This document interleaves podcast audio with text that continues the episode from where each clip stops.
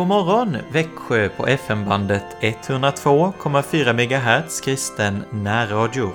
Jag heter Joakim Brandt Erlandsson och är präst i Helga Trefaldighets församling i Alvesta och Sankt Andreas Lutherska församling i Emmaboda.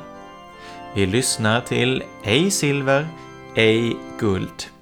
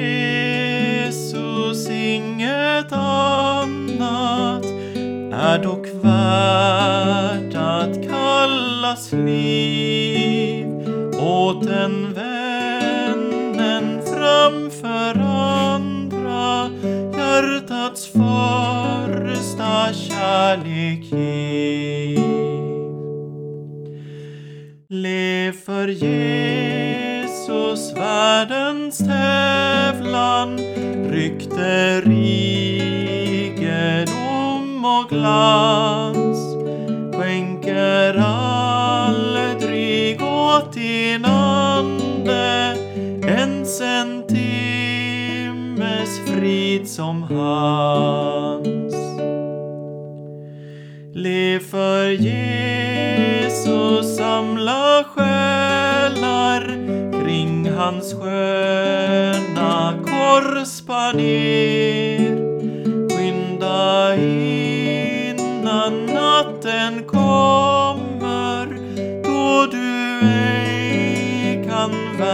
verka mer. Tusen, tusen människosjälar suckar efter liv och frid. Säg dem då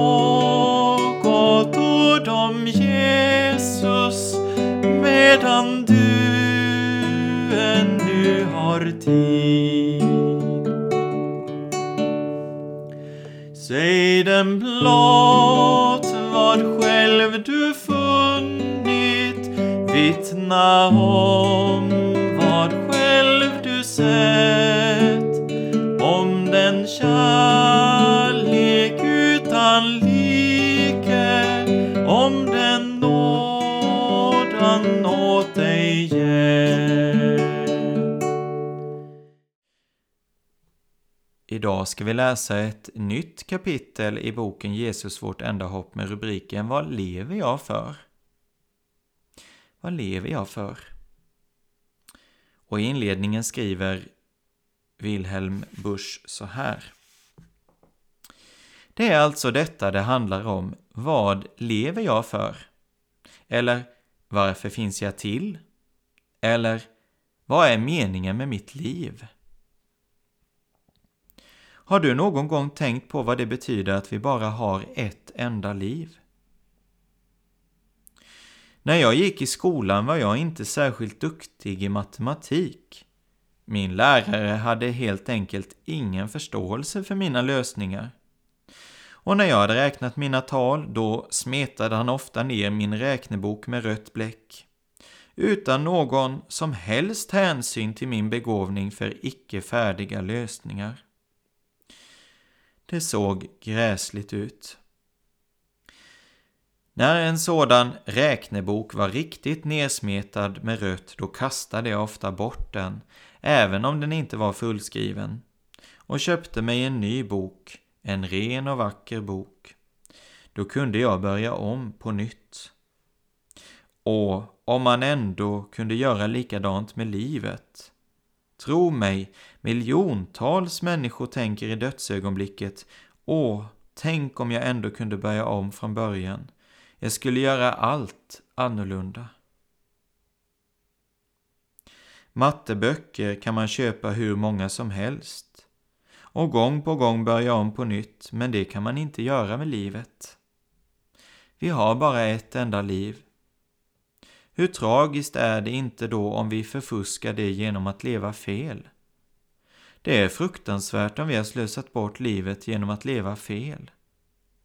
Vi har bara ett enda liv. Om det är bortslösat, då är det bortslösat i all evighet.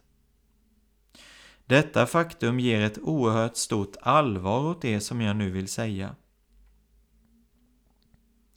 Idag på morgonen trampade en hel kreatursjord förbi mitt hotell. Eftersom jag just då höll på att förbereda min predikan tänkte jag Tänk vad lyckliga de där korna är som aldrig behöver fundera över varför de finns till. För dem är saken klar. Leverera mjölk och till sist bli nötkött. Djuren behöver aldrig grubbla över livets mening. Där skiljer sig djuren från människan. Det förfärliga är att det finns en massa människor som lever och dör utan att någonsin ha frågat varför lever jag egentligen? De skiljer sig inte från djuren. Det som gör människan till människa är just att hon frågar varför finns jag till? Vad lever jag för? Det finns fruktansvärt många ytliga och förhastade svar på frågan Vad lever jag för? En gång för många år sedan fick jag vid ett och samma tillfälle höra alla dessa ytliga och förhastade svar. Det var 1936, alltså mitt under Hitlerregimen. Studenter från Münster hade bett mig att tala över ämnet Vad är meningen med mitt liv? Men först förklarade de för mig att de inte ville höra en predikan, utan snarare samtala med mig omkring detta ämne. Bra, sa jag. Sätt igång. Vad är meningen med mitt liv? Varför lever jag? Eftersom diskussionen ägde rum under Hitlerregimen reste sig naturligtvis genast någon och förklarade Jag lever för mitt folk. Det är som blad och träd. Bladet betyder ingenting, trädet allt. Jag lever för mitt folk. På det svarade jag Bra! Och vad är det för mening med trädet? Vad är det för mening med folket? Paus. Det kunde han inte svara på. Den väsentliga frågan hade alltså inte fått sitt svar. Den var helt enkelt undanskuffad. Då sa jag, kära vänner, ni får inte ge svar som bara skjuter undan frågan. Berätta, vad är meningen med mitt liv? Varför lever jag? Då förklarade en annan, jag finns i världen för att göra min plikt. Människa, sa jag, det är ju det saken gäller. Vad är min plikt? Jag anser att det är min plikt att ge er Guds ord. Den sekulära humanismen ser det som sin plikt att förneka Gud. En hög tjänsteman sa en gång till mig, pastorn, jag vill berätta i förtroende att jag skriver olika dokument varje dag. Men om de alla skulle brinna upp skulle världen likväl rulla på. Jag lider av att jag i grund och botten utför så meningslösa sysslor. Vad är egentligen plikt? Tusentals SS-män dödade under Tredje rikets dagar hundratusentals människor. Och när man ställer dem inför rätta påstår de Vi har gjort vår plikt. Vi var under befäl. Tror du att det är en människas plikt att döda andra människor? Det tror inte jag. Jag sa alltså till studenterna, det är just detta som är frågan, vad är min plikt? Vem kan säga mig det? Vi är tillbaka vid utgångspunkten. Nu blev de unga männen mer eftertänksamma. Då reste sig en och förklarade stolt jag härstammar från en gammal adelssläkt. Mina föräldrar kan spåra 16 generationer tillbaka, en lång släkttavla. Är det inte livsinnehåll och livsuppgift att på ett rätt sätt föra släkten vidare? Jag kunde bara svara människa. När man inte vet varför de 16 generationerna har levt, då lönar det sig väl inte att tillfoga en sjuttonde. Kan du fatta att det finns så många ytliga och förhastade svar? Hos oss ser man ofta dödsannonser i tidningarna med orden Arbete var hela ditt liv. Aldrig tänkte du på dig själv. Det var din högsta plikt att sträva för de dina. Har du också läst dem? Varje gång jag läser dem tänker jag, det är en dödsannons över en häst. Eller hur? En häst måste arbeta, men jag tror inte att en människa bara lever för att arbeta. Det vore ju för eländigt. Det finns ett ord i Bibeln som går genom märg och ben. Det är detta, människan måste dö en gång och sedan dömas. Hebreerbrevet 9. Du förstår, detta bibelord måste man känna till för att på allvar kunna fråga Vad lever jag för? Vi kan ju inte dö och gå in under Guds dom om vi har gått miste om livets mening. Har du förstått frågans innebörd, då går jag ett steg vidare.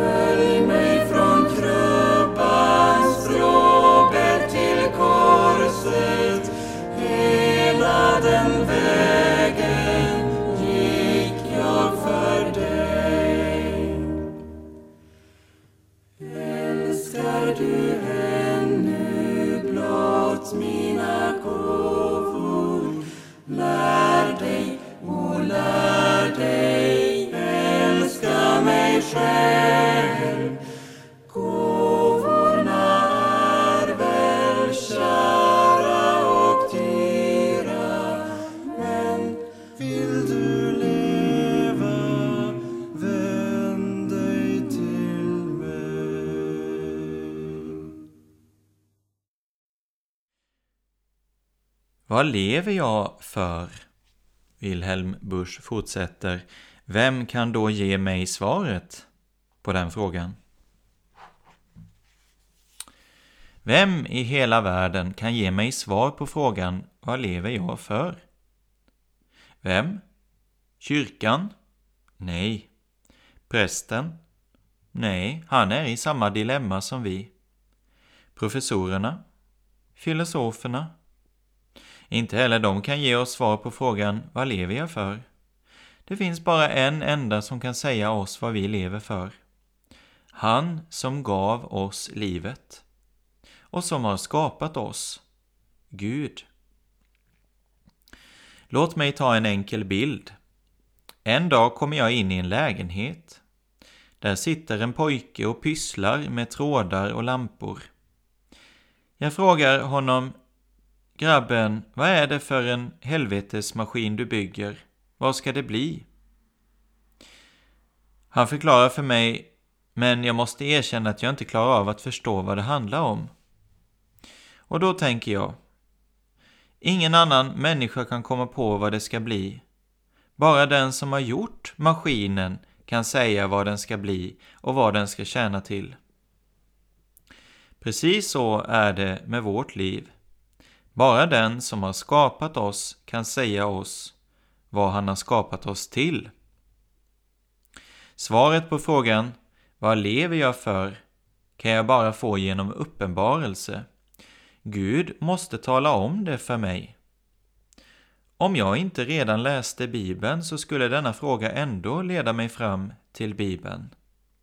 Jag skulle inte uthärda längre om jag inte visste varför jag finns till i denna inom citationstecken förbannade värld. Tycker du att uttrycket förbannade värld är för starkt? Det är inget kraftuttryck utan ett bibliskt ord.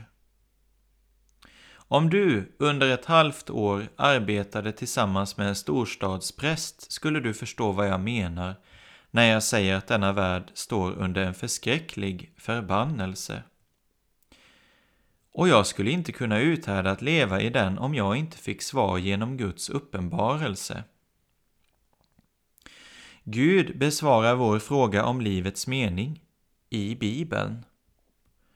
Och det är en orsak till att Bibeln är så oerhört viktig. Jag känner folk som helt sonika säger Nej, inte läser jag Bibeln. Då kan jag bara svara jag kan ge dig skriftligt på att du aldrig på allvar har tänkt igenom frågan Vad lever jag för? Tyvärr är dumhet en utbredd sjukdom och om dumheten orsakade smärta skulle världen vara full av skrik. Låt mig ge dig Bibelns svar i en enda mening. Gud har skapat oss för att vi ska bli hans barn. Precis som en far gärna ser sig själv i sitt barn, så skapade Gud människan till sin avbild. Gud vill att vi ska bli barn som kommunicerar med honom och som han kan tala med, som älskar honom och som han älskar. Ber du någon gång? Kan du föreställa dig hur bittert det är för en pappa när hans barn inte pratar med honom år efter år? Och en människa som inte ber talar inte med sin himmelske far. Gud vill att vi ska vara hans barn som talar med honom, som han älskar och som älskar honom. Det är därför som vi finns i den här världen. Förstå mig nu rätt, jag talar inte om kyrkor, dogmer, religioner och liknande, utan jag talar om den levande guden. Och han har skapat dig för att du ska bli hans barn. Är du det? Låt mig gå ett steg vidare. Vi borde vara Guds barn, men av naturen är vi inte det. I början av Bibeln står det så här. Gud skapade människan till sin avbild. Och sedan berättar Bibeln om en mycket stor katastrof. Människan hade skapats med fri vilja och så bestämmer sig människan för att handla mot Guds vilja. Hon tar av den frukt som heter ”Jag vill vara oberoende”. Jag klarar mig utan Gud. Adam tvivlade aldrig på att Gud fanns. Men han frigjorde sig från honom. Jag lever mitt liv i egen regi. Här skulle jag vilja berätta en sak. Nyligen var det en man på gatan som frågade mig Pastor Busch, du talar alltid om Gud, men jag ser honom inte. Berätta för mig hur jag ska kunna finna Gud. Då svarade jag honom, hör du noga på. Föreställ dig att det fanns en tidsmaskin. Med hjälp av den skulle jag kunna resa fram och tillbaka genom årtusendena. Tidsmaskinen tar mig alltså till tidernas början. En kväll promenerar jag i Edens lustgård. Du känner väl till berättelsen om syndafallet? Så träffar jag Adam bakom en buske, den första människan. God kväll Adam, säger jag. God kväll pastor Busch, svarar han. Är du förvånad över att se mig? frågar jag och förklarar för honom. Genom en förskjutning i världsteaterns kulisser har jag av misstag hamnat i Edens lustgård. Ja, så säger han. Varför är du så fundersam? Då svarar jag. Du förstår, jag funderar just på en fråga som en man har ställt till mig, nämligen hur ska jag kunna finna Gud? Med ett högt skratt förklarar Adam då för mig. Men det är ju inte hur jag ska kunna finna Gud som är problemet. Han finns ju. Var nu ärlig, pastor Busch Det som du egentligen vill veta är hur du ska bli kvitt honom. Det är ju det som är det svåra, att man inte blir kvitt honom. Och visst har Adam rätt, Gud finns ju. Man kan finna honom. Men man blir inte kvitt honom. När jag tar en titt på de senaste tre århundradenas andliga historia, då tänker jag Hjälp vad man har kämpat för att bli kvitt Gud. Men vi har inte blivit av med Gud. Mina vänner, i grund och botten tror ni alla att Gud finns. Men ni tillhör honom inte. De flesta lägger frågan om Gud på is. Man förnekar inte att han finns, men man tillhör honom inte heller. Man är inte en Guds fiende, men man är inte heller en Guds vän. Och så lämnar man sitt livs största problem olöst. En schweizisk läkare påstår i en bok om en människa inte löser de stora livsfrågorna får hon ett själsligt sår, ett trauma. Och han fortsätter Vi i västvärlden lider av gudssjukan. Vi bestrider inte att han finns, men vi tillhör honom inte heller. Ja, vi vill inte ha med honom att göra. Därför lider vi av gudssjukan. Jag håller med honom. Överallt hör jag, den moderna människan intresserar sig inte för Gud. Och kan bara svara, då är det illa ställt med den moderna människan. Ja, jag är ju själv en av de moderna människorna och jag intresserar mig för Gud. Och jag anser inte att jag är antikverad. Men när den moderna människan inte på allvar intresserar sig för sin frälsning, då är det illa. Låt mig ta ännu en enkel bild. Föreställ dig någon som utbildar sig till kock. En dag förklarar chefen, han intresserar sig överhuvudtaget inte för matlagning. Jag frågar, vad intresserar han sig för då? Chefen svarar, för musik och flickor. Ja, så säger jag, då måste du ju ta hänsyn till pojkens intressen och från och med nu bara prata med honom om just musik och flickor. Nej, svarar chefen. Om grabben inte intresserar sig för matlagning, då har han misslyckats i sitt yrke. Du förstår, det är vår kallelse att bli Guds barn. Och om den moderna människan inte intresserar sig för det, då har hon misslyckats i sin kallelse som människa. Då är det meningslöst att tala med henne om alla möjliga och omöjliga ting som kanske intresserar henne. Själv tänker jag inte sluta säga Det är inte förrän du är den levande Gudens barn som du börjar bli människa. Lev för Jesus, ge åt honom livets sköna vårdag, men även sommarns kraft och styrka och den sena hösten än. Ge dig helt för det begär han, själv han gav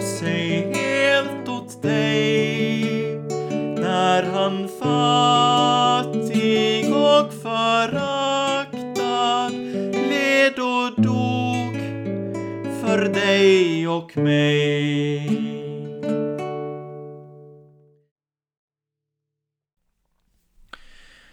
Låt oss be tillsammans med boken Se på Jesus. Den som rör vid er rör vid hans ögonsten. Saliga lott att vara så dyrbar, så oumbärlig för dig, o Gud. Men hur ska jag våga trygga mig vid denna din obegripliga kärlek? Hur ska jag kunna tro att jag är så älskad av dig, så dyrbar för ditt fadershjärta? Ack, jag är så ovärdig, så ringa, så fattig. Snarare borde du förkasta mig i din vrede än skydda och bevara mig som din skatt och glädje. Dock, för Jesu blods skull får jag ännu trygga mig vid dig, min Herre och min Gud. Bevara mig vid ditt hjärta, obesmittad av denna onda värld.